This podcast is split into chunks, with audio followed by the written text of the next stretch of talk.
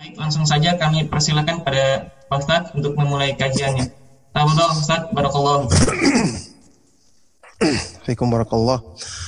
Assalamualaikum warahmatullahi wabarakatuh. Waalaikumsalam warahmatullahi Innal hamdalillah nahmaduhu wa nasta'inuhu wa nastaghfiruh wa na'udzu billahi min shururi anfusina wa min sayyiati a'malina. May yahdihillahu fala wa may yudlil fala hadiyalah. Asyhadu an la ilaha illallah wahdahu la syarika lah rasuluh. Allahumma salli wa sallim wa barik ala nabiyyina Muhammad wa ala alihi wa sahbihi wa man tabi'ahum bi ihsanin ila yaumiddin amma ba'du. Alhamdulillah Bapak Ibu-ibu ikhwan dan akhwat fiddin rahimakumullah. Jamaah kajian sahabat ilmu Darmais rahimakumullah. Alhamdulillah kita bersyukur kepada Allah Subhanahu wa taala atas semua limpah nikmat dan karunia-Nya.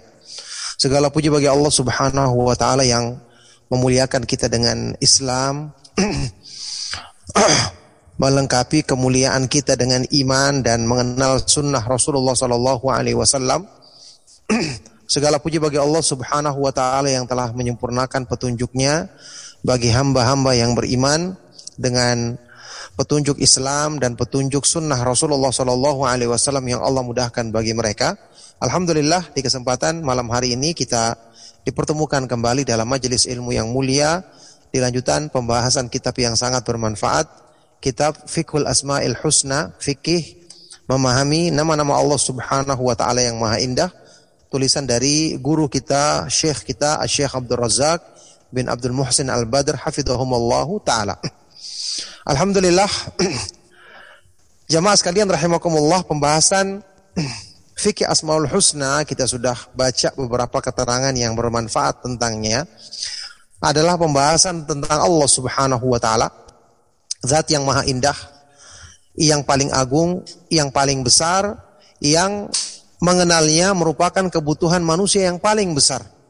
Mengenalnya merupakan inti daripada iman mengenalnya merupakan sebab utama yang menjadikan jiwa manusia tenang hati mereka lapang ibadah mereka khusyuk zikir mereka, doa-doa mereka, bacaan Al-Quran mereka lebih hidup dan lebih bermanfaat untuk menambah menambah keimanan. Oleh karena itu, di dalam pembahasan lanjutan kita di malam hari ini saya akan kembali membacakan keterangan yang disampaikan oleh Syekh Abdul Razak hafizahullah taala. Masih lanjutan tentang fadlul ilmi, keutamaan kemuliaan ilmu mengenal nama-nama Allah Subhanahu wa taala yang maha indah dan sifat-sifatnya yang maha tinggi. Kita akan selesaikan beberapa pembahasan tentang keutamaan ini untuk nanti insya Allah berikutnya kita melangkah ke pembahasan masing-masing dari nama-nama Allah Subhanahu wa taala yang maha indah beserta penjelasan dan penjabarannya insya Allah. Kita lanjut yang sudah kita baca di keterangan uh, pertemuan kita di pekan yang lalu. Syekh Abdul Razak hafizahullah taala kemudian berkata, "Wa bihadza yudrikul muslimu syarafa hadzal ilmi wa fadlahu wa annahu minal ususil 'idhami allati qamat 'alaiha da'awatul mursalin." Maka dengan inilah seorang muslim memahami kemuliaan ilmu ini, memahami kemuliaan dan keutamaan ilmu ini, dan bahwasanya ilmu ini adalah termasuk ususil idham.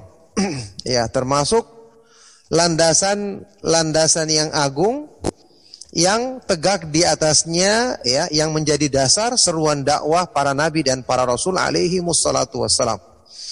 Jadi kita ingat sekali lagi jamaah sekalian rahimakumullah Dakwah para nabi dan para rasul adalah mengajak manusia untuk beribadah kepada Allah Subhanahu wa taala semata-mata dan tidak menyekutukannya. Dakwah ini tidak akan tegak kalau mereka tidak mengenal Allah.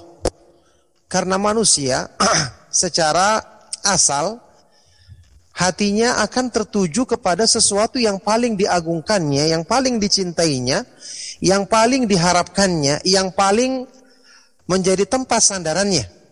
Bagaimana mungkin mereka hanya akan bisa hanya beribadah kepada Allah Subhanahu wa taala semata-mata kalau mereka tidak mengenal, tidak menguatkan pengenalan terhadap kemahaindahan nama-nama Allah dan kemahatinggian sifat-sifatnya di hati mereka.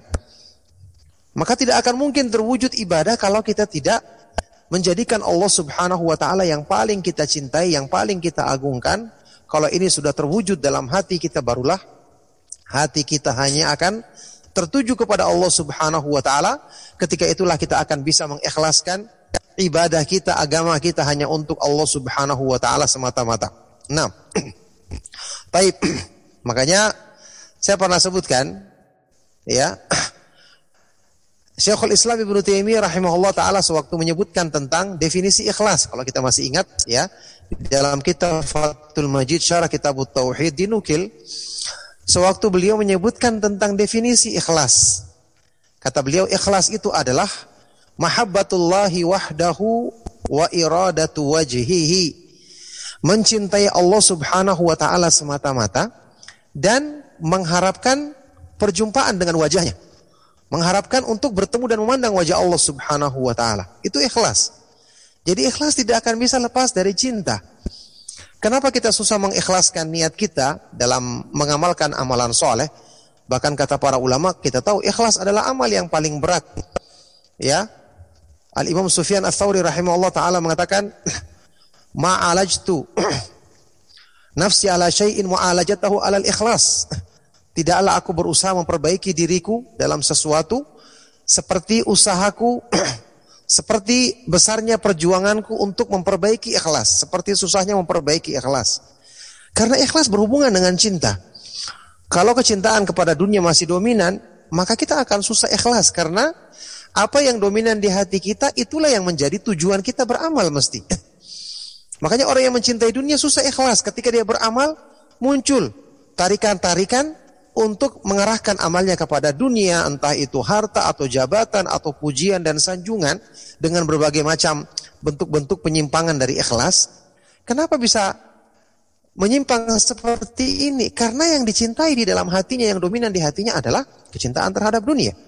Makanya orang yang mengenal Allah dan mencintai Allah Subhanahu wa taala, ketika itulah dia akan bisa mengikhlaskan agamanya untuk Allah Subhanahu wa taala semata-mata. Ini gambaran tentang satu kedudukan di dalam Islam yaitu ikhlas. Belum kedudukan-kedudukan yang lain yang semua ini kita akan sempurnakan dan termasuk faedah terbesar yang kita akan dapatkan dengan semakin kita mendalami mengenal nama-nama Allah Subhanahu wa taala yang maha indah dan sifat-sifatnya yang maha tinggi. Nanti kita akan bahas insya Allah rinciannya waktu kita membahas satu persatu dari nama-nama Allah yang maha indah. Insya Allah. Nah, Kata Syekh selanjutnya, wa annahu sabilul wahidu li'izzil abdi wa rif'atihi wa salahihi fi dunya wal akhirah. Dan bahwasanya ilmu ini adalah satu-satunya jalan. Tidak ada jalan lain. Untuk kemuliaan dan ketinggian. Untuk kemuliaan, ketinggian dan kebaikan seorang hamba di dunia dan di akhirat nanti. Di dunia dan di akhirat nanti. Wa alaihi fa inna man fi qalbihi.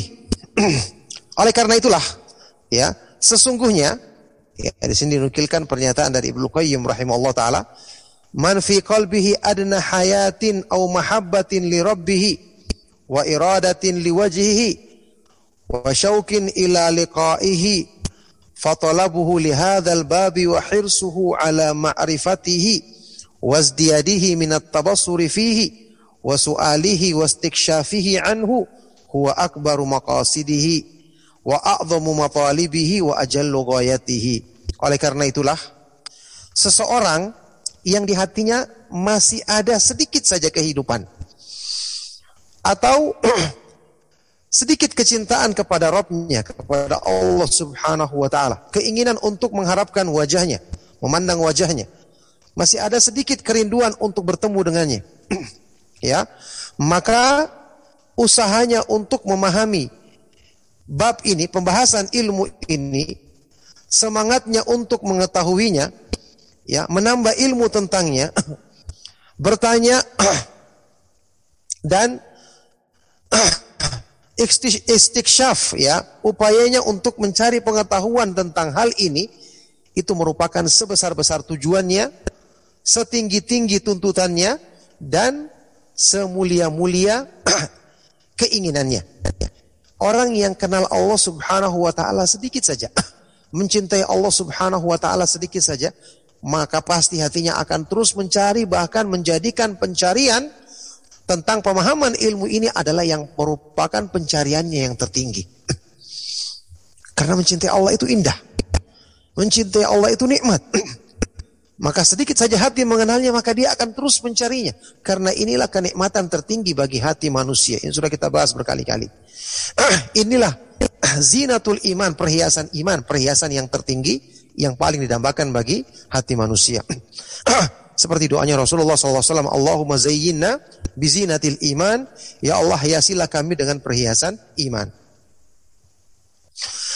Walaisatil qulubus sahihatu wan nufusul mutmainnatu ila syai'in minal asya'i aswaqa minha ila ma'rifati hadzal amri.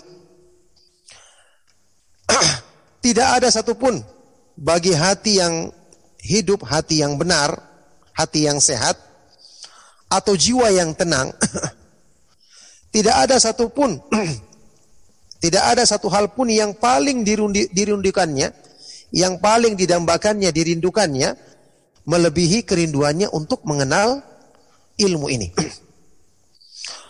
Wala fara. Naam. Wala farahuha bi a'zam. Bisyai'in a'zamu min farahiha bidzafari bima'rifatil haqqi fihi dan tidak ada kegembiraan yang paling besar bagi hati yang sehat, jiwa yang tenang, jiwa yang bersih, tidak ada satu kegembiraan terhadap sesuatu yang lebih agung daripada kegembiraannya ketika dia telah mencapai pengetahuan atau mengenal ilmu yang agung ini.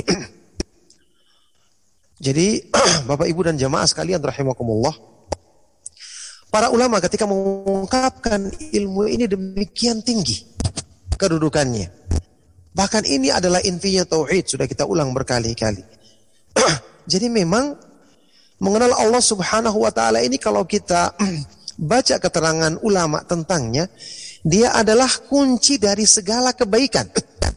Ya, apa saja kedudukan tinggi dalam Islam, maka pasti ini jalurnya.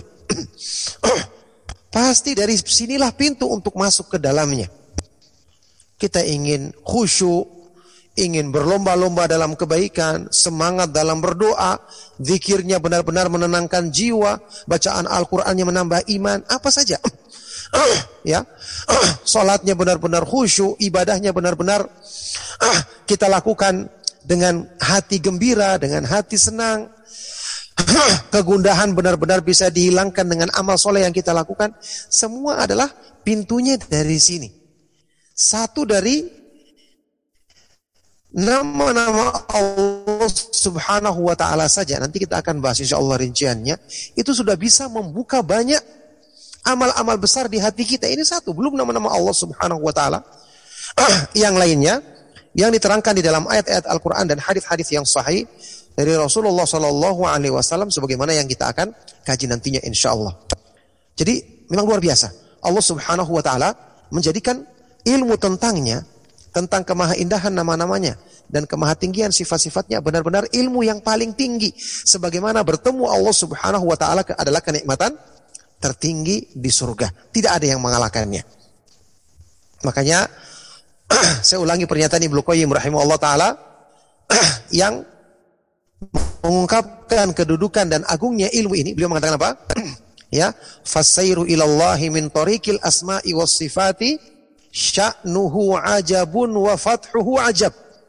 Orang yang ingin berjalan menuju Allah Subhanahu wa taala dari jalur mengenal nama-nama Allah dan sifat-sifatnya yang maha tinggi, keadaannya sangat mengagumkan dan pembukaan pintu-pintu hidayah dari jalur ini sangat-sangat ajab, sangat ajib, sangat ajaib, sangat luar biasa. Inilah ilmu yang demikian tinggi dan agung kedudukannya. Nah, wa hadhihi al-ma'rifatu hiya allati 'alaiha madarus sa'adati wa bulugul kamali wa taraqi fi darjir fi darajir rif'ati. Pengetahuan inilah pengetahui ini pengetahuan ini dialah yang merupakan madarus sa'adah. Porosnya kebahagiaan Bulugul kamal sebab kita mencapai kesempurnaan. Wataraki dan menapaki ya semakin meniti menaiki tangga-tangga ketinggian. Wa nailu na'imid dunya wal akhirati dan mencapai ke kenikmatan dunia dan akhirat. Wa dhafaru bi ajallil matalibi dan untuk bisa meraih ya tuntutan yang tertinggi. Wa anjahur raghaibi keinginan yang paling mulia. Wa asyraful mawahibi mendapatkan anugerah yang paling agung. Wan nasu fi hadza baina mustakthirin wa mukillin wa mahrum dan manusia dalam hal ini adalah ada yang banyak ya ada yang pengetahuannya tinggi dalam ada juga yang sedikit ada juga yang bahkan tidak punya sama sekali bagian dari kebaikan ini. Nauzubillah min dzalik. Wal fadlu biyadillahi yu'tihi man yasha wallahu dzul fadlil azim. Dan Allah Subhanahu wa taala karunia ada di tangannya semata-mata. Allah berikan kepada siapa yang dikehendakinya dan Allah Subhanahu wa taala Maha memiliki karunia yang agung. Bapak Ibu dan jamaah sekalian rahimakumullah. Kita tahu keutamaan di dalam Islam ya yang dimiliki secara sempurna setelah para nabi dan para rasul tentu oleh para sahabat radhiyallahu taala anhum ajmain. Di antara para sahabat juga mereka bertingkat-tingkat dalam keutamaan dan kemuliaan. Ternyata yang menjadi sebab bertingkat-tingkatnya ini adalah karena apa? Karena amalan hati. Karena amal yang dilandasi dengan cinta, takut dan berharap kepada Allah. Jadi meskipun mereka sama-sama semangat dalam beramal secara zahir tapi yang menentukan kedudukan dan kemuliaan mereka di sisi Allah Subhanahu wa taala adalah amalan hatinya. Imam Abdullah bin Mubarak rahimahullah taala pernah mengatakan rubba amalin sagirin tu'azzimuhu niyatu wa rubba amalin kabirin tusaggiruhu niyah. Berapa banyak amalan-amalan yang kecil tukabbiruhu niyah. Dibesarkan karena niatnya. Menjadi besar nilainya karena niatnya. Dan berapa banyak amalan-amalan yang besar menjadi kecil nilainya karena karena niat yang tidak maksimal. karena niat yang tidak tidak ikhlas. Menjadi nilainya kecil bahkan tidak ada. Nauzubillah min dzalik. Pernyataan dari tabi'in yang mulia Bakar bin Abdullah Al-Muzani rahimahullah taala yang menyebutkan tentang keutamaan Abu Bakar As-Siddiq tidak asing bagi kita. Beliau mengatakan, "Ma sabaqahum Abu Bakrin bi kathrati salatin wala siyamin wala sadaqatin walakin bi syai'in waqara fi qalbihi." Tidaklah Abu Bakar As-Siddiq radhiyallahu taala anhu mengungguli keutamaan sahabat yang lain radhiyallahu taala anhum hanya dengan banyaknya salat, banyaknya puasa, banyaknya sedekah. Karena kalau banyak-banyakan sahabat yang lain juga banyak. Radhiyallahu taala anhum ajma'in. Tetapi beliau mendahului mereka karena kuatnya iman, kecintaan kepada Allah yang ada di hati beliau. Ini yang menjadikan unggul orang-orang yang beriman. Bahkan amalan hati yang benar menjadikan amalan anggota badan seseorang bisa meraih sesuatu yang belum diamalkannya karena hatinya sudah berjalan. Karena hatinya sudah berjalan. ya. Masih ingat hadis Rasulullah Sallallahu Alaihi Wasallam tentang keutamaan orang yang jujur dalam mengingin mengangan-angankan atau berniat untuk mati syahid dalam Sahih Muslim. Rasulullah SAW bersabda, "Man sa'alallaha ta'ala syahadata bisidqin, ballagahu Allahu manazil syuhada'i wa in mata ala firashih." Barang siapa yang memohon kepada Allah Subhanahu wa taala dengan sungguh-sungguh, dengan jujur. Derajat orang yang mati syahid, maka Allah akan menyampaikan dia kepada kedudukan tersebut kedudukan orang yang mati syahid meskipun dia meninggal di atas tempat tidurnya. Ini yang dicontohkan oleh para ulama sebagai apa? Amalan hati itu bisa menyampaikan seorang hamba pada kedudukan yang belum dilakukan oleh anggota badannya. Hatinya sudah sampai terlebih dahulu. Rasulullah SAW pernah bersabda di hadapan para sahabat dalam sebuah peperangan, ya. Rasulullah SAW bersabda, Inna bil madinati lari jalan. Masirtum masiran wala qata'tum illa kanu ma'akum. Di Madinah saat ini ada beberapa orang. Mereka di Madinah, tapi tidaklah kalian menempuh perjalanan, menuruni lembah ini dalam perjalanan berjihad di jalan Allah. Kecuali mereka selalu menyertai kalian, padahal mereka di Madinah. Hatinya yang berjalan. ya. Niat mereka, semangat mereka, ini amalan hati bisa menyampaikan manusia kepada tingkatan yang belum bisa dilakukan oleh anggota badannya, inilah pentingnya memperbaiki hal-hal yang berhubungan dengan amalan hati seperti ini. Nah, barakallahu fikum. Kata Syekh selanjutnya, "Wa mata kana al-'abdu 'arifan bi rabbih muhibban lahu qa'iman bi 'ubudiyatihi mumtathilan amrahu mubta'idan an nawahihi tahaqqaqa lahu al-ma'rifati wal ubudiyyati allataini huma ghayatul khalqi wal amri kamalul insanil marjuwi kamalul insanil marjuwu wa sumuhul mansyud dan ketika seorang hamba ya telah mengenal Rabbnya mencintainya menegakkan peribadatan kepadanya melaksanakan perintah-perintahnya menjauhi larangan-larangannya maka dengan pengetahuan ini, dengan penghambaan diri ini, yang keduanya merupakan tujuan dari penciptaan dan perintah Allah, terwujudlah bagi hamba ini kesempurnaannya sebagai manusia. Kesempurnaan yang didambakannya sebagai manusia dan ketinggiannya yang diinginkannya. Ketinggian kedudukan yang diinginkannya. Bal bahkan ya dinukilkan di sini pernyataan Ibnu Qayyim laisat hajatul arwahi qattu ila syai'in a'zama minha ila ma'rifati bari'iha wa fatiriha wa mahabbatihi wa dzikrihi wa libtihaji bihi.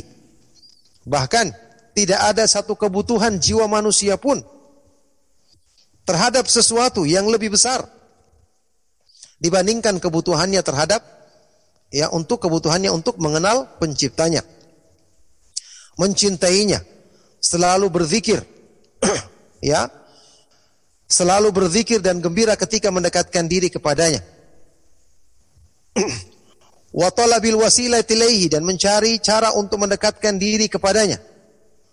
Wala sabila ila hadza illa bi ma'rifati awsafihi wa asma'ihi dan tidak ada cara untuk bisa meraih semua ini kecuali dengan mengenal nama-nama dan sifat-sifat Allah Fakullama kana al-'abdu biha a'lama kana billahi a'rafa wa lahu atlaba wa ilaihi aqrab.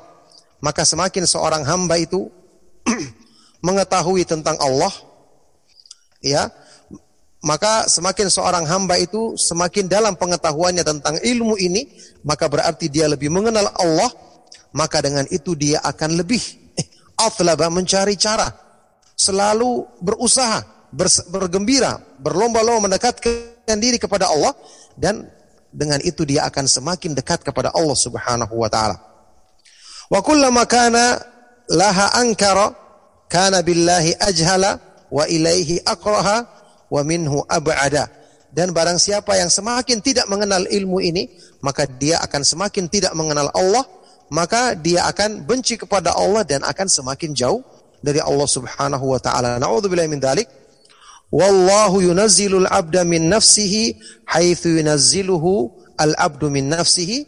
Maka Allah Subhanahu wa taala menempatkan seorang hamba mendekatkan seorang hamba dari dirinya sebagaimana hamba itu menempatkan kedudukan Allah Subhanahu wa taala pada dirinya.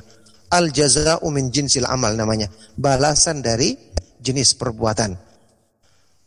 Bagaimana mungkin kita akan dimuliakan oleh Allah Subhanahu wa taala kalau kita tidak memuliakannya? Bagaimana mungkin Allah Subhanahu wa taala memberikan balasan memudahkan kita dalam kebaikan kalau kita tidak memudahkan diri kita untuk mengenal kemahaindahannya, kemahasempurnaannya. Allah Subhanahu wa taala memuji dirinya dengan pujian-pujian yang tinggi, tapi kita tidak mengenal pujian tersebut. Allah Subhanahu wa taala menyebutkan nama-namanya yang maha indah, tapi kita tidak tahu segi-segi kemahaindahan nama-nama tersebut. ya, makanya ilmu ini benar-benar merupakan ilmu yang agung, ya. Dan sejauh mana kita memberikan perhatian dalam ilmu ini, maka seperti itulah Allah Subhanahu wa taala memberikan perhatian kepada kita dan menempatkan kita sesuai dengan bagaimana kita menempatkan Allah Subhanahu wa taala pada diri kita. Baik dalil yang dibawakan di sini. Qala al-Hafidh Ibnu Katsir rahimahullah taala fi tafsirihi. Imam Ibnu Katsir rahimahullah taala dalam tafsirnya ketika menafsirkan firman Allah di surat Fatir ayat 28. A'udzu billahi minasyaitonir rajim. Innama yakhsyallaha min ibadihi ulama. Sesungguhnya yang takut kepada Allah di antara hamba-hambanya hanyalah adalah ada pembatas. Ada pembatasan di sini ya. hanyalah orang-orang yang berilmu. yakni yang selain mereka tidak mungkin takut kepada Allah dengan sebenarnya. Hanyalah yang takut kepada Allah di antara hamba-hambanya adalah orang-orang yang berilmu. Siapa maksudnya? Kata Ibnu Katsir maksudnya di sini innama yakhshahu haqqa khasyatihi al ulama'ul arifuna bihi.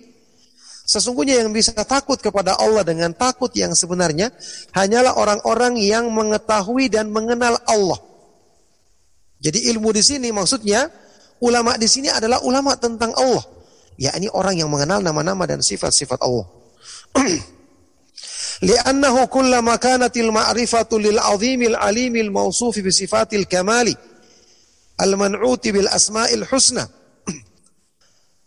Hal ini dikarenakan semakin pengetahuan seseorang terhadap zat yang maha agung, yang maha mengetahui, yang memiliki sifat-sifat kesempurnaan, memiliki nama-nama yang maha indah.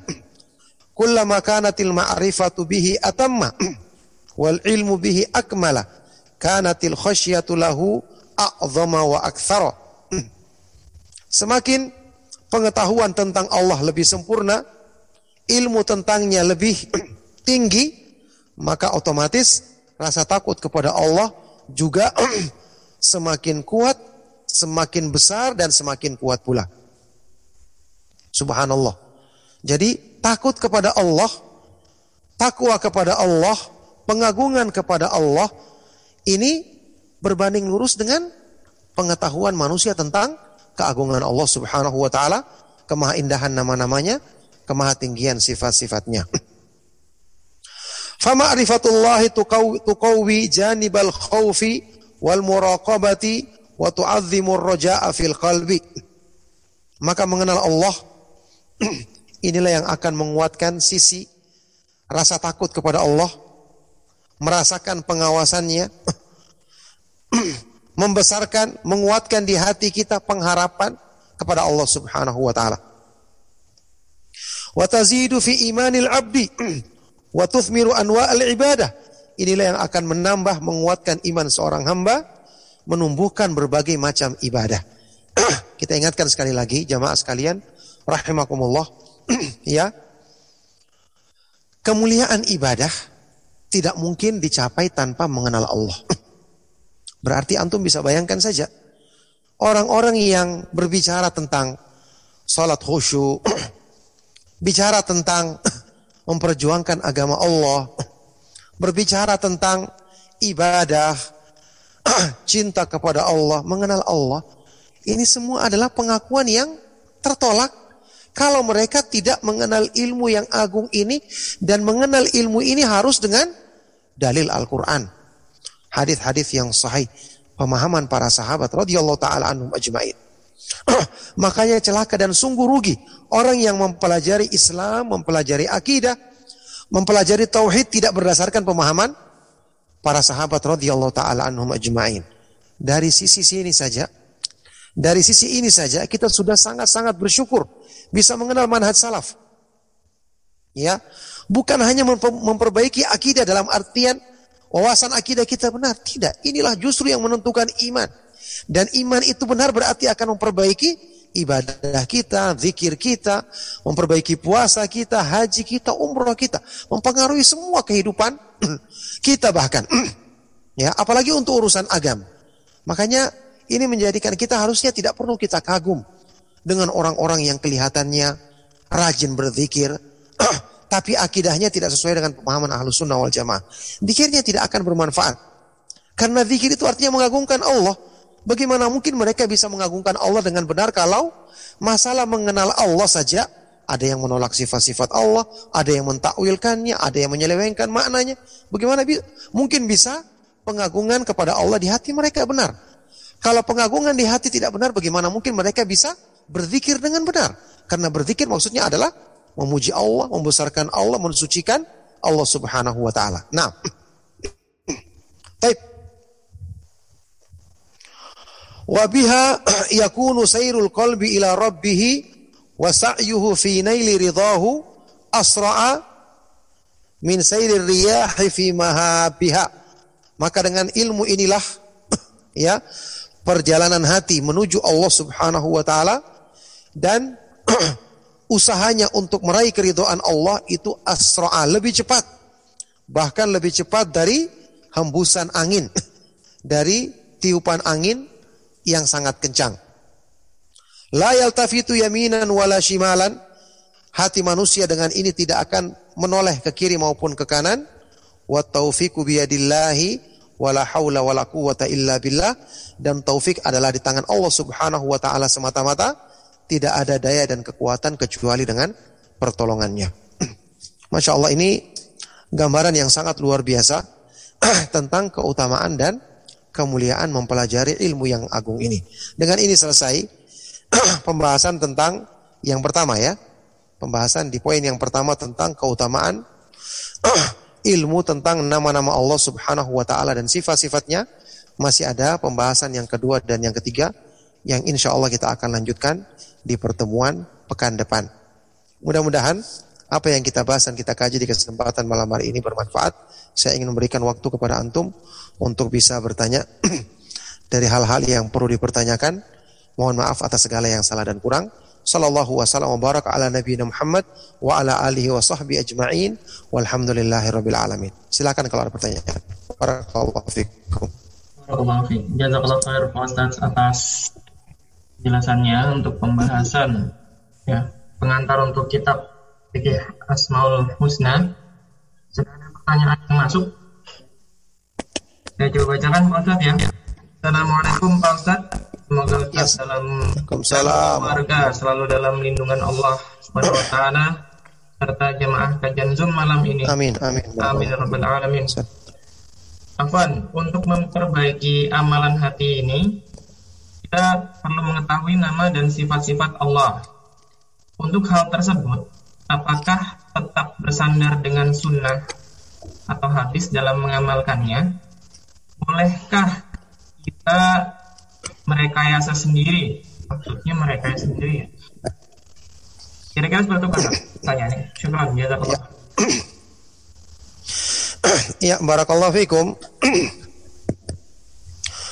Pertanyaan sangat baik sekali. ya, jadi semoga Allah Subhanahu wa taala melimpahkan kebaikan kepada antum yang bertanya kepada kita semua. Ini pembahasan sudah kita singgung di pertemuan-pertemuan yang lalu. jadi masalah mengenal nama-nama dan sifat-sifat Allah Subhanahu wa taala tidak mungkin bisa ditempuh dengan rekayasa sendiri dengan akal pikiran atau perasaan manusia karena terbatas ya kemampuan manusia terbatas. Allah Subhanahu wa taala berfirman, "Wa ma utitu minal ilmi illa qalila." Kalian tidaklah diberikan ilmu kecuali sangat sedikit sekali. Tidak perlu jauh-jauh tentang Allah, tentang yang ada pada diri kita saja. Banyak hal-hal yang tidak bisa kita jangkau. Contoh sekarang manusia punya ruh. Coba gambarkan bagaimana ruh, apa hakikatnya, apa warnanya ruh itu, bagaimana bentuknya. Tidak ada yang tahu. Padahal ruh ada pada dirinya. ya. Manusia tidak bisa menggambarkannya padahal ini sesuatu yang dekat dengan dirinya. Bagaimana tentang Allah Subhanahu wa taala yang maha tinggi, yang maha sempurna? ya. Makanya tidak bisa kita memahami Allah Subhanahu wa taala mengenalnya dengan benar kalau kita tidak mempelajari ayat-ayat Al-Qur'an dan hadis-hadis yang sahih dari Rasulullah SAW yang dengan itulah Allah perkenalkan dirinya kepada hamba-hambanya. Karena Allah itu bukan cuma sempurna, dia maha sempurna. Nama-nama Allah itu disebut dengan Al-Asma'ul Husna. Nama-nama yang maha indah. Kalau tunggalnya namanya Al-Ismul Ahsan. Nama yang maha indah. Maksudnya adalah Baligotun fil husni goyataha. Mencapai puncak dalam kemaha indahannya Makanya yang dalam pikiran manusia sesuatu itu indah, sesuatu baik ini tidak cukup. Karena Allah bukan cuma baik, bukan cuma indah, tapi dia maha baik dan maha indah. Makanya tidak bisa kita menetapkan kemaha indahan yang pantas bagi Allah kalau hanya berdasarkan pemikiran manusia. Contoh misalnya orang mengatakan Allah subhanahu wa ta'ala itu misalnya maha jenius. Ini tidak tidak benar. Meskipun untuk ukuran kita, kita anggap jenius adalah pujian. Itu kan untuk manusia. Cukup dengan Allah menamakan dirinya Al-Alim, maha mengetahui. Atau Al-Khabir, maha terperinci pengetahuannya. Terjemahan dalam bahasa Indonesia-nya. Ini lebih dari cukup, tidak perlu kita cari yang lain. Makanya kalau ada dilekatkan pada nama-nama Allah Subhanahu wa taala, ini sebaiknya dihindari. Misalnya orang terbiasa mengatakan Gusti Allah. ya, mungkin kan menunjukkan makna tinggi atau pemuliaan, tapi Allah Subhanahu wa taala ini maha mulia. ya, yang maha mengetahui, yang paling mengetahui tentang apa yang pantas bagi Allah hanya Allah sendiri. Kemudian Rasulnya Shallallahu alaihi wasallam. Kalau Rasulullah SAW saja pernah mengatakan la uhsi thana'an alik anta kama afnaita ala nafsik. Ya Allah aku tidak mampu membatasi menjangkau pujian yang pantas bagimu. Engkau adalah seperti pujian yang engkau peruntukkan bagi dirimu sendiri. Kalau Rasulullah SAW mengatakan demikian, padahal dia adalah hamba Allah yang paling mengenal Allah, maka bagaimana dengan selain selain Rasulullah SAW? Maka tidak boleh kita memberikan nama dan sifat-sifat Allah Subhanahu Wa Taala hanya berdasarkan pemikiran kita sendiri, harus berdasarkan dalil dari ayat-ayat Al-Quran dan hadis-hadis yang sahih itu pun dengan pemahaman yang benar, pemahaman para sahabat radhiyallahu taala anhum ajma'in. Nah, barakallahu fikum. Barakallahu fikum. Syukran jazakallahu khair Ustaz atas penjelasannya. Lalu uh, pertanyaan lain terkait dengan penjelasan Pak Ustaz barusan bahwa Allah itu ya, mengetahui segala sesuatu ya. Namun uh, yang kita tahu ya yang, yang diajarkan kepada kita adalah bahwa Allah juga menciptakan malaikat yang bertugas untuk misalnya mencatat amal baik manusia seperti itu Pak Kira-kira hikmah apa terkait dengan ciptakannya malaikat untuk membantu Allah padahal Allah sudah maha mengetahui amal baik manusia Pak Coba Allah. Iya, barakallahu fikum. Uh, pertanyaan sangat baik sekali. Semoga Allah Subhanahu wa taala senantiasa melimpahkan kebaikan kepada antum dan kepada kita semua. Ada yang keliru dari pertanyaan tadi, kalimat yang mungkin tergelincir tadi. Apa hikmah Allah Subhanahu wa taala menciptakan manusia yang membantu Allah padahal Allah Maha mengetahui. Allah tidak butuh dibantu. Malaikat Allah ya, ya. Oh. Apa hikmah Allah menciptakan malaikat yang mencatat amal tadi? untuk membantu Allah begitu kata-katanya tadi. Ada kata-kata membantu. iya kan? Hmm. Iya. Jadi kata-kata membantu di situ salah ya. Allah tidak tidak butuh dibantu. Jadi hikmahnya Allah menciptakan malaikat. Kenapa ada malaikat yang mencatat amal padahal Allah sudah tahu. Kenapa malaikat ada yang mencabut nyawa padahal Allah Maha Kuasa untuk mencabut nyawa sendiri. Ini hikmahnya adalah ya, jadi Allah menugaskan para malaikat ini bukan karena Allah tidak mampu sehingga butuh dibantu, tidak. Tapi hikmahnya adalah untuk menunjukkan Allah Subhanahu wa taala perhatian kepada hamba-hambanya sehingga dia menciptakan para malaikat menugaskan mereka untuk mengurusi urusan makhluknya. Padahal Allah Subhanahu wa taala Maha mengetahui. Bahkan Allah yang menciptakan malaikat, Allah yang memberikan kekuatan kepada para malaikat. ya.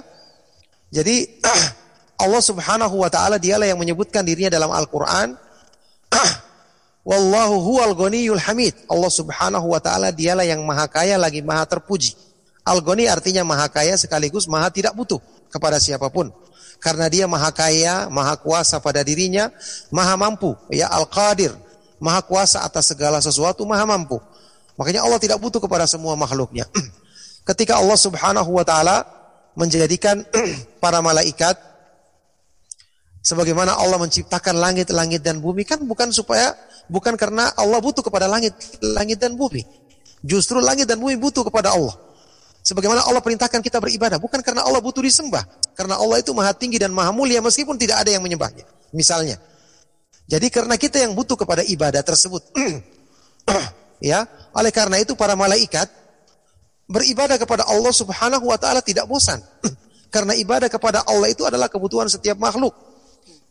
para para malaikat senantiasa taat melaksanakan perintah Allah itu menjadikan mereka semakin gembira, semakin mulia karena ibadah kepada Allah itu semakin meningga, mening, meninggikan kemuliaan manusia menjadikan manusia semakin semakin bahagia, semakin tinggi kedudukannya dan kemuliaannya di sisi Allah Subhanahu wa taala. Nah, barakallahu fikum. Barakallahu fiik, Ustaz. jazakallah khair atas penjelasan yang cukup baik. Selanjutnya adalah uh, terkait dengan ibadah ya yang dilakukan oleh manusia.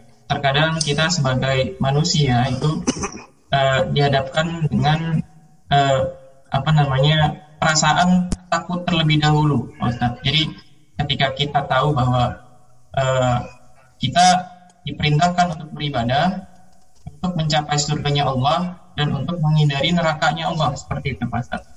Sedangkan terkadang ya itu tadi takutnya itu lebih tinggi dibandingkan mungkin perasaan cinta kita atau harap kita. Nah itu bagaimana cara atau solusinya Pak Ustadz agar perasaan cinta kita, takut kita, harap kita itu bisa selaras seperti itu Pak. Mohon penjelasannya. Syukran ya teman. Iya, barakallahu fikum. Pertanyaan yang sangat baik sekali. Semoga Allah melimpahkan kebaikan dan keberkahannya kepada antum dan kepada kita semua. ya, perasaan takutnya muncul terlebih dahulu atau lebih besar dibandingkan cinta dan berharapnya. Pertama, kalau kita betul-betul berdoa kepada Allah dan belajar agama dengan benar, kita mesti akan terbimbing dengan benar. Menjadikan ketakutan, kecintaan, pengharapan kepada Allah selalu proporsional, ya, tidak akan melampaui batas satu dibandingkan yang lainnya. nah, makanya dengan belajar yang benar, terbimbing dengan Al-Quran dan hadis-hadis yang sahih berdasarkan pemahaman para sahabat radhiyallahu taala anhum majma'in, hal-hal yang seperti ini akan ya akan kecil kemungkinannya menimpa seorang hamba karena dia belajarnya benar dan Al-Quran kita tahu adalah sebaik-baik petunjuk. Hadis Rasulullah SAW adalah sebaik-baik pembimbing. Nah, baik Kalau misalnya timbul rasa takut yang berlebihan pada diri seseorang, takut dengan neraka, takut dengan azab Allah, takut dengan siksaannya. Jawabannya pertama ini benar. Karena Allah Subhanahu wa taala tidak ada yang bisa menghalangi ketika dia ingin mengadab hambanya. Pasti kita takut. Cuman waktu kita takut kepada Allah, kita kan berpikir bagaimana saya supaya selamat. Karena setiap orang takut kan muncul dalam dirinya bagaimana menyelamatkan dirinya dari yang ditakutkannya. Kalau dia takut kepada makhluk, dia lari. Karena makhluk terbatas kemampuannya untuk bisa menjangkau dia. ya, dia lari atau menghindar. Kalau Allah Subhanahu wa taala, bagaimana cara kita menghindarinya? Tidak bisa. Maka sewaktu kita takut kepada Allah, waktu kita merenungkan, tidak ada yang bisa menyelamatkan saya dari ketakutan kepada Allah kecuali pemaafan dari Allah sendiri, kecuali pengampunan dari Allah sendiri, kecuali penjagaan dari Allah sendiri. Maka rasa takut kepada Allah kalau kita renungkan dengan benar akan membawa kita semakin dekat dengan Allah. Beda kalau takut sama makhluk, kita lari darinya. kita lari. ya, kalau Allah tidak bisa lari darinya. Tidak bisa menghindar, maka kita semakin dekat dengannya. Itulah makna doa yang diucapkan oleh Rasulullah SAW dalam sebuah hadis yang sahih riwayat Imam Muslim. Allahumma inni a'udhu biridhaka min sakhatika wa bi mu'afatika min uqubatika wa bika minka Ya Allah aku berlindung dengan keridhaanmu dari kemurkaanmu. Ya. Kemurkaan Allah kita takutkan. Berlindung dengan keridhaannya. Wa bimu'afatika min uqubatika. Aku berlindung dengan pemaafanmu dari siksaanmu. Denganmu darimu. Ya Allah. Berlindung kepada Allah dari kemurkaan Allah. Jadi takut kepada Allah larinya juga semakin dekat dengan Allah Subhanahu wa taala. Inilah hakikat tauhid yang sesungguhnya. semakin kita mengenal Allah, kita akan semakin takut. Rasa takut ini akan membawa kita semakin dekat dengan Allah Subhanahu wa taala. Nah, barakallahu fiikum. Syukran, jazakallahu khair Ustaz. Uh, kebetulan ada jamaah yang raise hand ingin bertanya secara langsung. Apa dong? Iya, silakan.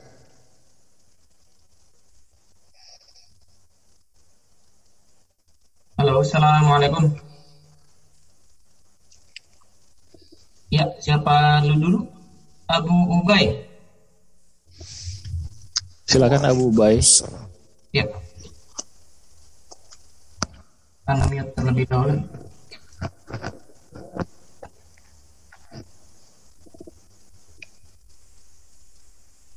Silakan Abu Ubay. Kayak kayak kepencet nih, Dit. Oh iya. Ya, uh, Ustadz, uh, Ana ingin bertanya Ustadz. Silakan Eh, barakallahu fiikum. mengenai eh, kesempatan orang beriman untuk melihat wajah Allah. Semoga eh, kita diberi kesempatan untuk melihatnya, Ustadz. Apakah em, itu melihat wajah Allah itu diberikan untuk seluruh orang beriman yang masuk surga atau hanya sebagian saja, Ustadz? Jazakallah khair. Iya, barakallahu fikum. Pertanyaan yang sangat baik sekali. Jawabannya ya, semua penghuni surga Allah Subhanahu wa taala berikan kenikmatan tersebut. Al-Imam Syafi'i rahimahullah taala ketika menafsirkan firman Allah Subhanahu wa taala di surat Al-Mutaffifin, "Kalla bal rana ala qulubihim ma kanu yaksibun, kalla innahum ar rabbihim yauma idzil lamahjubun." Sekali-sekali tidak, sesungguhnya mereka orang-orang kafir pada hari kiamat nanti akan terhalangi dari Allah Subhanahu wa taala. Kata beliau, hari ayat ini menunjukkan ketika orang-orang kafir dihalangi karena Allah murka kepada mereka, maka orang-orang yang beriman yang diridhoi oleh Allah Subhanahu wa taala kan tidak terhalangi untuk melihat Allah Subhanahu wa taala. Penghuni surga sudah kita bacakan hadisnya beberapa kali. Mereka akan mendapatkan kemuliaan memandang wajah Allah Subhanahu wa taala yang ketika itu mereka merasakan fama u'tu syai'an ahabba ilaihim minan nadhari ila rabbihim azza wa jal mereka tidak merasakan satu pemberian yang lebih mereka cintai lebih mereka sukai daripada ketika bertemu dan memandang wajah Allah Subhanahu wa taala. Cuman karena surga itu tingkat-tingkatan ya. Darajat bertingkat-tingkat, surga Firdaus ya yang paling tinggi. Maka ini juga menjadi sebab berbeda-bedanya kenikmatan yang mereka rasakan termasuk kenikmatan tertinggi tersebut yaitu memandang wajah Allah Subhanahu wa taala. Seperti penjelasan Syekh Abdurrahman As-Sa'di rahimahullah taala, orang yang menempati surga Firdaus, surga tertinggi, setiap saat dia bisa melihat wajah Allah. Adapun surga yang dibawa ada yang kurang dari itu, ada yang cuma bisa melihat setiap Jumat sekali.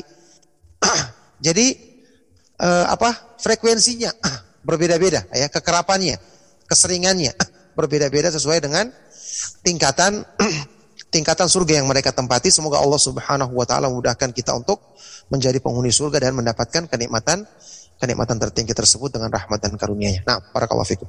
Amin. Wafik barakallah Ustaz. Baik, pertanyaan selanjutnya ada lagi di kolom chat. Eh, Assalamualaikum Ustaz. Jika kita masih Waalaikumsalam.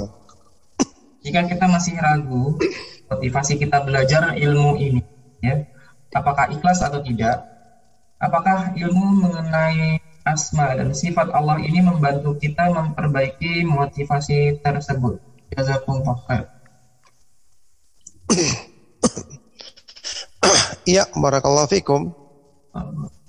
Pertanyaannya sangat baik sekali. Semoga Allah Subhanahu wa taala membalas antum dengan kebaikan dan kepada kita semua. ya, maka kalau antum ragu terhadap ilmu ini, berarti ilmu yang lain juga pasti lebih diragukan lagi karena ini adalah sumber segala kemuliaan ilmu. Apakah ilmu ini akan bisa memotivasi kita untuk meraih ikhlas? Jelas. Ilmu ini justru gerbang utama untuk bisa mencapai keikhlasan. Secara umum, ilmu itu kan disebutkan oleh para ulama pembimbing kita untuk memperbaiki semua kekurangan dalam urusan agama termasuk masalah ikhlas. Secara umum ya. Sampai Imam uh, Ad-Darqutni rahimahullah taala. Ad-Darqutni ini setelah zamannya Imam Abu Dawud setelah zamannya Imam Abu Bukhari Imam Muslim ya. Beliau pernah mengatakan talabnal ilma li ghairillahi fa aba illa lillah.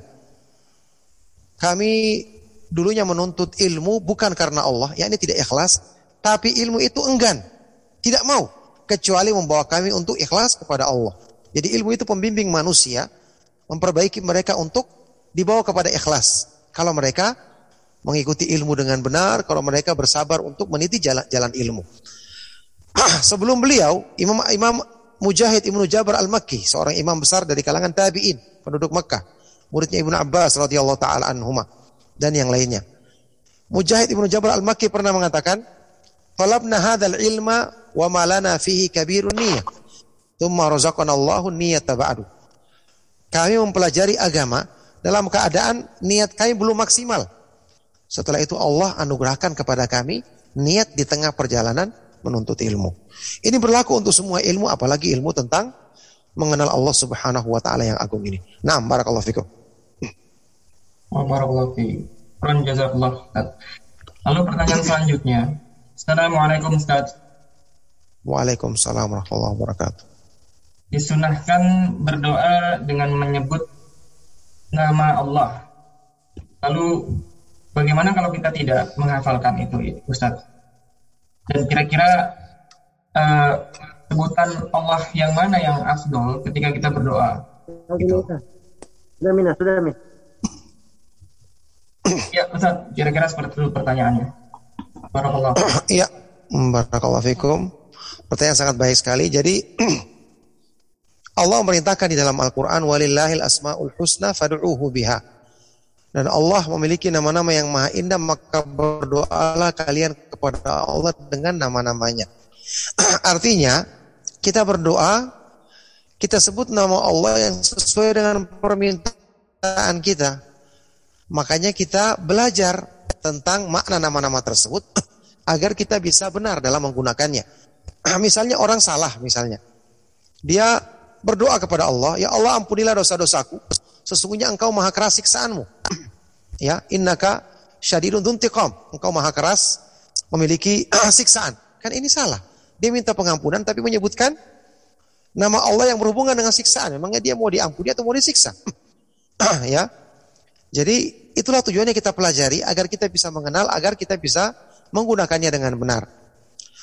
Kalaupun tidak kita hafal, yang jelas kan mengenal nama-nama Allah itu bukanlah perkara yang susah. Apalagi orang yang sungguh-sungguh ingin menghiasi doanya agar lebih mudah diterima oleh Allah Subhanahu wa taala, pasti dia perhatian dan inilah manfaat kita mempelajarinya agar kita bisa mengenal nama-nama tersebut, kita ucapkan di dalam doa-doa kita. Meskipun kalau tidak juga kita menggunakannya, maka tidak mengapa. Yang jelas kita sebutkan saja sifat-sifat Allah dalam doa kita. Kan sudah kita ketahui di antara sebab yang memudahkan doa terkabul itu adalah dengan nama-nama Allah atau sifat-sifatnya. Misalnya ya Allah engkau maha pengampun, ampunilah aku dengan terjemahan bahasa kita. Ya Allah engkau mengetahui kelemahanku, Engkau yang maha menyempurnakan kekurangan-kekuranganku, maka ampunilah dosa-dosaku, sempurnakanlah kekurangan-kekuranganku, perbaikilah ibadahku, kan bisa. Kita gunakan dengan bahasa yang seperti ini setelah kita semakin mengenal Allah Subhanahu wa taala. Nah, barakallahu fikum. Barakallahu fikum.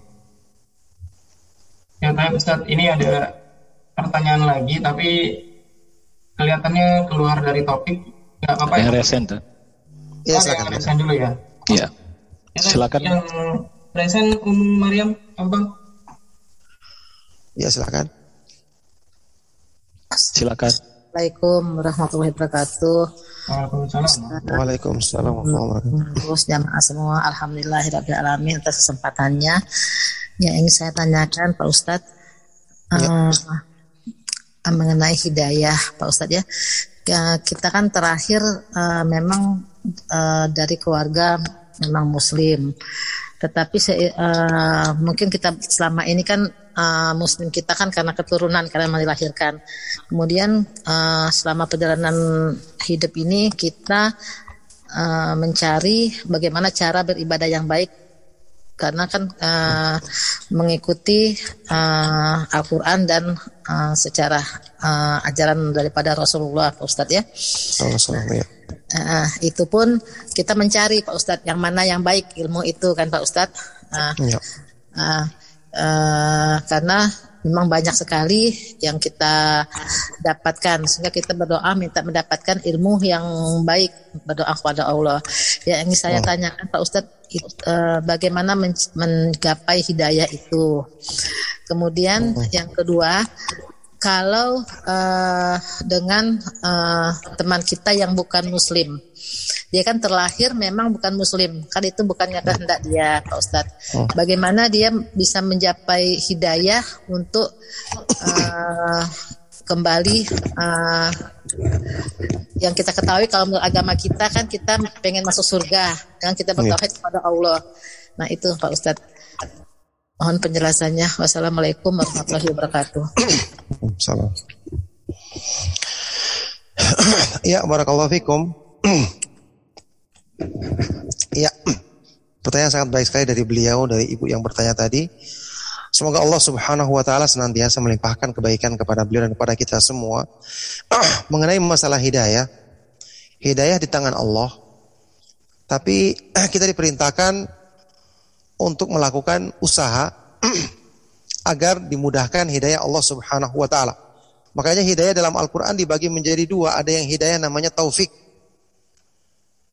Itu cuma di tangan Allah semata-mata ketika Allah berfirman di dalam Al-Qur'an kepada Rasulullah SAW, "Innaka la tahdi man ahbabta, walakinallaha yahdi man yasha, wa huwa a'lamu bil muhtadin." Sesungguhnya engkau wahai Rasulullah tidak bisa memberikan hidayah kepada siapa yang kamu cintai. Maksudnya taufik, karena taufik di tangan Allah. Tapi Allah dialah yang memberikan hidayah taufik kepada siapa yang dikehendakinya, yakni membukakan hati manusia dan Allah yang Maha mengetahui siapa yang pantas mendapatkan hidayah darinya. Inilah hidayah taufik. Rasulullah tidak memiliki, semua manusia tidak memilikinya. Tapi di ayat lain Rasulullah SAW disebut wa innaka latahdi ila sirati mustaqim. Sesungguhnya engkau wahai Rasulullah memberikan hidayah kepada jalan yang lurus. Apa maksudnya hidayah di sini? Hidayah bimbingan. hidayah pengajaran Islam, hidayah dakwah. Membimbing manusia agar mengikuti Islam. Kalau kita semakin semangat mendakwai orang, termasuk orang non-muslim, orang kafir kita dakwai, kita kenalkan keindahan Islam, atau orang Islam kita ajak agar lebih semangat berislam, ini bisa menjadi sebab terbukanya hatinya kalau Allah kehendaki. Tapi ingat Allah lebih tahu siapa yang pantas mendapatkan hidayah darinya. Makanya kalau kita belajar agama, kita semakin mendalami agama, selalu rajin berdoa minta agar disempurnakan hidayah Allah pada diri kita, maka Allah berikan karena Allah berikan hidayah kepada manusia sesuai dengan kesungguhan kita mengusahakannya. Nah, untuk pertanyaan yang berikutnya tentang saudara kita yang non muslim, bagaimana agar mereka mendapatkan hidayah? Kita dakwai. Kita berdoa kepada Allah agar mereka dapat hidayah. Bisa. Kita dakwai dia, tapi kita harus ingat kita berusaha belum tentu Allah yang Maha mengetahui belum tentu memilih dia. Karena masalah pilihan Allah itu adalah Allah yang Maha mengetahui. Bukan sesuai dengan keinginan kita. ya. Karena keinginan manusia tentu tidak sempurna. Adapun Allah sifat-sifatnya sempurna, pilihannya Allah sempurna, hikmahnya Allah Maha sempurna. Jadi begini, kalau kita membayangkan tentang masalah hidayah, kenapa Allah berikan kepada yang ini, kenapa yang ini tidak diberikan? Para ulama mencontohkan. Allah pemilik alam semesta beserta isinya. Makhluk adalah semua miliknya. ya, secara asal manusia saja kalau dia memiliki sesuatu kemudian dia bagikan kepada satu orang dan tidak kepada yang lain, apakah kita berhak memprotesnya? Contoh saja misalnya. Tetangga kita punya harta. Kemudian dia bagi-bagi kepada tetangga yang dipilihnya. Apakah tetangga yang tidak dikasih datang kepada dia berhak memprotes? Wahai ibu fulan, kenapa cuma tetangga sana yang dikasih hadiah, saya tidak? Jawabannya dia terserah saya, saya punya. Saya mau kasih kepada siapa saja. Ini manusia. Tidak berhak kita protes. ya, karena dia yang punya. Kemudian, sesuatu itu kita protes perbuatannya kalau ada kekurangan pada dirinya. Misalnya, orang yang kurang waras berbuat sesuatu atau orang yang tidak sempurna akalnya anak kecil. Misalnya dia disuruh orang tuanya belanja ke pasar, kita protes, kenapa anak kecil disuruh? Tapi kalau orang dewasa, orang yang pikirannya kita katakan sudah dewasa tidak bisa kita protes. Ini manusia, apalagi Allah yang sempurna. Makanya Allah tanyakan tentang diri, Allah nyatakan tentang diri dalam Al-Quran, La yus'alu amma yaf'alu, wahum yus'alun. Allah tidak ditanyakan tentang apa yang diperbuatnya, sedangkan manusia dipertanyakan tentang apa yang diperbuatnya. Karena Allah maha sempurna perbuatannya, maka tidak bisa kita protes karena kadang-kadang kita mengetahui hikmahnya, kadang-kadang tidak. Karena terbatasnya sifat-sifat kita atau keterbatasan pengetahuan kita. Kemudian, di kalangan manusia, sesuatu yang kita kenal, misalnya orang ini ahli, sering kita tidak bertanya tentang apa yang dilakukannya. Sederhana saja kalau ada pasien yang datang ke dokter, dokter kemudian menentukan obatnya ini, apakah dia bisa protes? Tentu tidak, karena yang dihadapannya adalah ahli. Padahal ahli kan bisa salah. Allah subhanahu wa ta'ala tidak mungkin salah. Maka tidak bisa kita mempertanyakan kenapa Allah subhanahu wa ta'ala memberikan hidayah kepada ini, kenapa tidak ini. Karena tadi Allah mengatakan dalam Al-Quran, wa huwa bil muhtadin. Allah Subhanahu wa taala dialah yang lebih mengetahui tentang siapa yang mendap pantas mendapatkan hidayah darinya. Maka kalau ada orang yang berbuat salah, belum mengenal Islam, dakwai dia dengan cara yang baik, doakan agar Allah membuka hatinya, mudah-mudahan Allah Subhanahu wa taala memberikan hidayah kepada orang-orang yang kita ajak kepada kebenaran. Nah, barakallahu fikum. Nah. Barakallahu fiik. Jazakallahu Ustaz. Afwan, ini mungkin pertanyaan terakhir ya Pak Ustaz ya, sebelum kita tutup kajian malam hari ini. Jadi terkait ya, silakan. Uh, jawaban Ustaz sebelumnya mengenai hidayah ya. Jadi ini ada pertanyaan yang kira-kira hampir kan? Iya. Uh, bahwa beliau ini uh, masih sangat sedikit keilmuannya. Namun jika saya belajar agama dengan mendengar ceramah dari ceramah sunnah ya, lalu akan muncul pemikiran yang selalu menyangkal Pak Ustadz, yang menjadikan ya sedikit takut jika mendengarkan ceramah-ceramah sunnah. Nah, karena saya khawatir saya malah jadi mengikuti penyangkalan yang muncul di pikiran saya tersebut, makanya jadi tidak usah dengarkan lagi deh. Nah, kira-kira bagaimana cara menyikapinya, Ustaz? Jazakallah khairan. ya, barakallahu fikum. Pertanyaan yang sangat bermanfaat sekali. Semoga Allah Subhanahu wa taala senantiasa memberikan kebaikan kepada beliau yang bertanya kepada kita semua dan menjaga dari segala keburukan. Iya, jawabannya itu adalah tipu daya syaitan yang ingin menghalangi manusia dari kebaikan. Syaitan tidak akan tinggal diam ketika kita ingin berbuat baik. Dia akan memberikan pemikiran-pemikiran yang buruk. ya. Karena pada asalnya kalau kita belajar yang benar, pasti akan membimbing kita kepada kebenaran. Kalau kita dengarkan penjelasan yang bersumber dari Al-Quran dan Sunnah, Al-Quran dan Sunnah itu adalah kebaikan dan juga akan memberikan manfaat kebaikan, memberikan pikiran menjadi baik, menjadikan hati kita menjadi tenang, jiwa kita menjadi tentram. Itu harusnya konsekuensinya. Kalau ada yang tidak seperti ini berarti itu adalah bisikan dari syaitan. syaitan akan berusaha menghalangi manusia dari kebaikan. Allah Subhanahu wa taala berfirman, "Wa kadzalika ja'alna likulli nabiyyin adua syayatinal insi wal jinni yuhi ba'duhum ila ba'din zukhrufal qawli gurura. Demikianlah kami jadikan bagi setiap nabi musuh dari kalangan jin maupun manusia, syaitan dari kalangan jin maupun manusia yang mereka saling membisikkan satu sama lain kata-kata indah yang menipu. Jadi tidak boleh kita kalah sama syaitan. Contoh sekarang, misalnya dalam urusan dunia kita. dalam urusan dunia kita. Kita bekerja untuk memenuhi nafkah kita. Ada yang menghalang-halangi kita, jangan pergi kerja. Ada yang menghalangi kita untuk malas. Apakah kita akan mengikuti, ah nanti daripada saya celaka. Ada yang membisikkan kita, jangan pergi bekerja, nanti kamu ketabrak, nanti kamu dibunuh di sana. Kan kita lawan dengan akal sehat kita. Ah tidak mungkin. Alhamdulillah, perjalanan kita selama ini aman, kita berusaha melawannya. Ini padahal untuk urusan dunia. Apalagi urusan agama. Hal yang kita takutkan itu hanya bisikan syaitan. Allah yang menjamin kita. Kalau kita belajar yang benar, justru kita akan selamat. Nah kalau kita malah mengikuti bisikan syaitan, tadi kita justru akan celaka. Karena tidak mungkin jalan kebaikan itu akan membawa kita kepada keburukan. Kalau berpikirnya seperti tadi,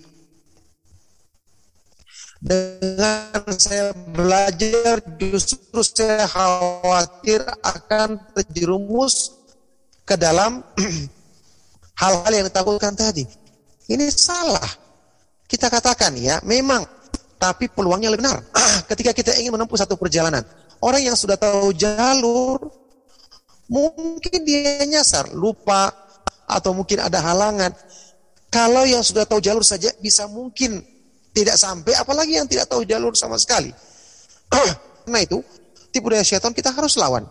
Rintangan yang menghalangi kita dari kebenaran kita harus hadapi tentu dengan meminta pertolongan kepada Allah Subhanahu wa taala. Kalau Allah Anda semakin meninggalkannya, Anda akan semakin terjerumus ke dalam kebinasaan karena bisikan-bisikan buruk tadi adalah bersumber dari syaitan, bersumber dari bisikan-bisikan iblis, laknatullah alaih yang kita harus lawan dengan meminta pertolongan kepada Allah dan terus mengikuti jalan jalan kebaikan serta memperbaiki diri dari hal-hal yang salah kita lakukan dengan cara memohon ampun kepada Allah Subhanahu wa taala.